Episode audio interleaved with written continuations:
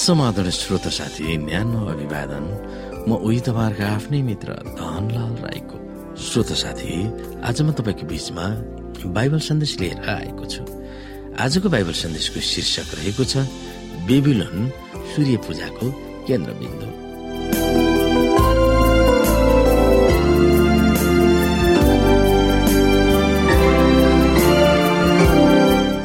श्रोत साथी सूर्यलाई भगवान भनेर पूजा गर्ने धार्मिक संस्कार प्राचीन मिश्र देश अस्ट्रेलिया पर्सिया बेबिलोनमा प्रचलित थियो। जेम्स जी फ्रेजरले आफ्नो पुस्तक द वर्सिप अफ नेचर वा प्रकृति पूजाको बारेमा यसरी उल्लेख गर्दछन् पौराणिक बेबिलोनमा सूर्यलाई देवता भनेर पूजा गर्ने चलन अति प्राचीन कालदेखि नै चलिआएको थियो।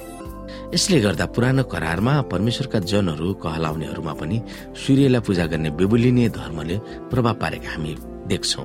पौराणिक इजरायल र यहुदाका परमेश्वरकै जाति भनेर यहुदीमा सूर्यलाई पूजा गर्ने चलनले कसरी प्रभाव पारेको थियो भनेर हामी बाइबलका केही पदहरूमा अगमवक्ताहरूले उल्लेख गरेका कुराहरू हेर्न सक्छौ।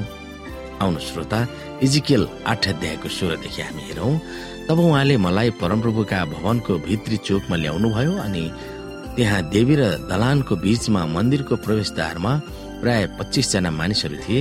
तिनीहरूका पीठ परमप्रभुको मन्दिरतिर र अनुहार चाहिँ पूर्वपट्टि फर्काएर पूर्वतिरै सूर्यलाई दण्डबोध गरिरहेका थिए।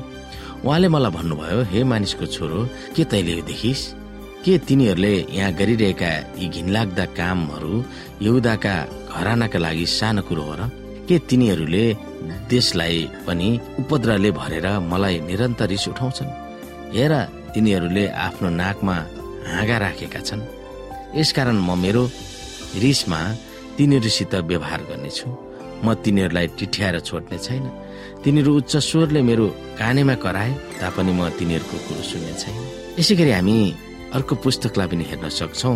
दुई राजाको पुस्तकलाई हामी हेर्न सक्छौ जहाँ कि लेखिएको छ यहुदाका नगरहरू र हेरेसलमका छेउछाउका छेउछाउका हल्का हल्का ठाउँहरूमा धुप बाल्ने पुजारीहरू जुनहरूलाई यहुदाका राजाहरूले नियुक्त गरेका थिए उनीहरू जसले बाललाई घामलाई र जुनलाई अनि नक्षत्रहरू र सम्पूर्ण तारामण्डललाई धुप चढाउने गर्थे तिनले परमप्रभुको मन्दिरबाट अस्यराको खम्बा निकालेर हेश्रमको बाहिर किद्रोन खोल्सामा लगेर त्यहीँ जलाइदिए र धुलो पिठो पारे अनि तिनले त्यो साधारण मानिसका चियानहरूमा छरिदिए।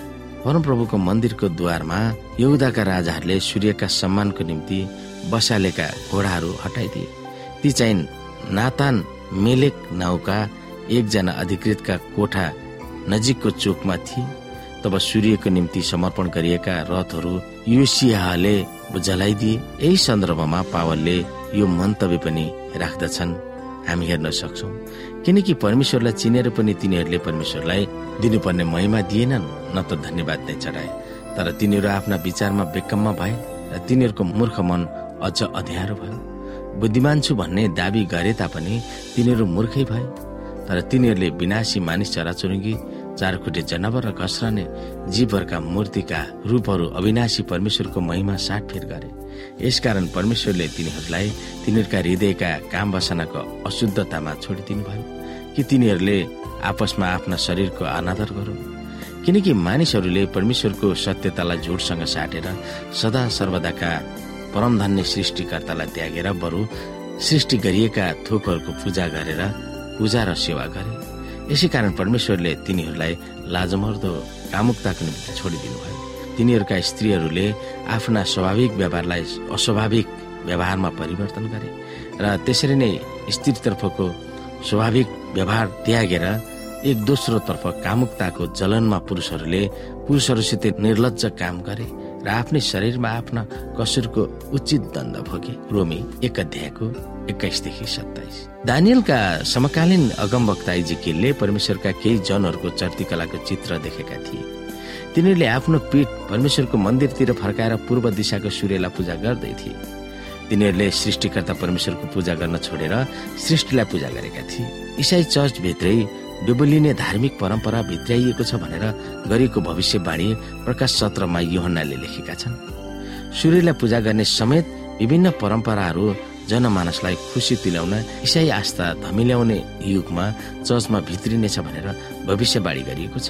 जब चौथो शताब्दीमा सम्राट कन्सेटाइन इसाई भए भनेर घोषणा गरे तब समस्त रोमी साम्राज्यमा इसाईहरूमा ठूलो हर्ष छाएको थियो। सम्राट कन्सेटाइन भित्री हृदयदेखि नै सूर्यलाई पूजा गर्ने व्यक्तित्व थिए।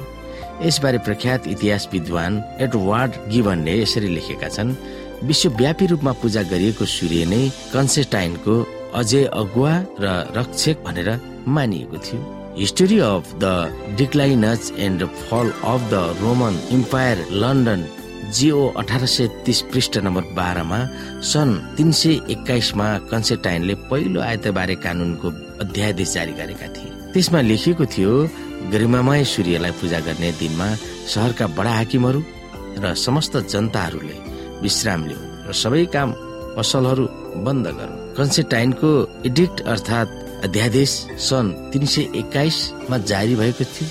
यस अध्यादेश वा आइतबारलाई रोमी साम्राज्यका सबै मानिसहरूले मान्नै पर्छ भनेर कर गरेको त थिएन तर यसले रोमका बासिन्दाहरूका दिमागमा आइतबारमा सूर्यको पूजा गर्ने दिन र पवित्र दिन भन्ने धारणालाई चाहिँ उसाइदिएको हामी पाउँछौ।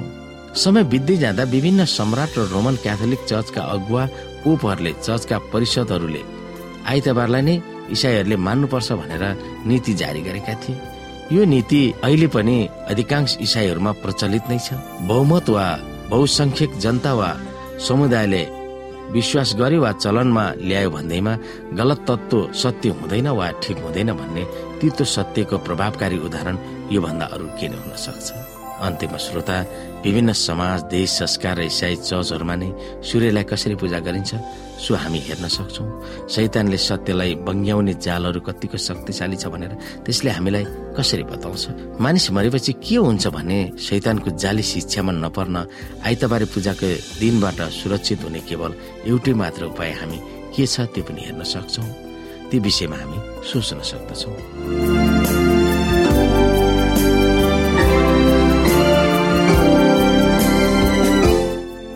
श्रोता साथी आजको लागि बाइबल सन्देश यति नै। हस्त नमस्ते जय मसिंह।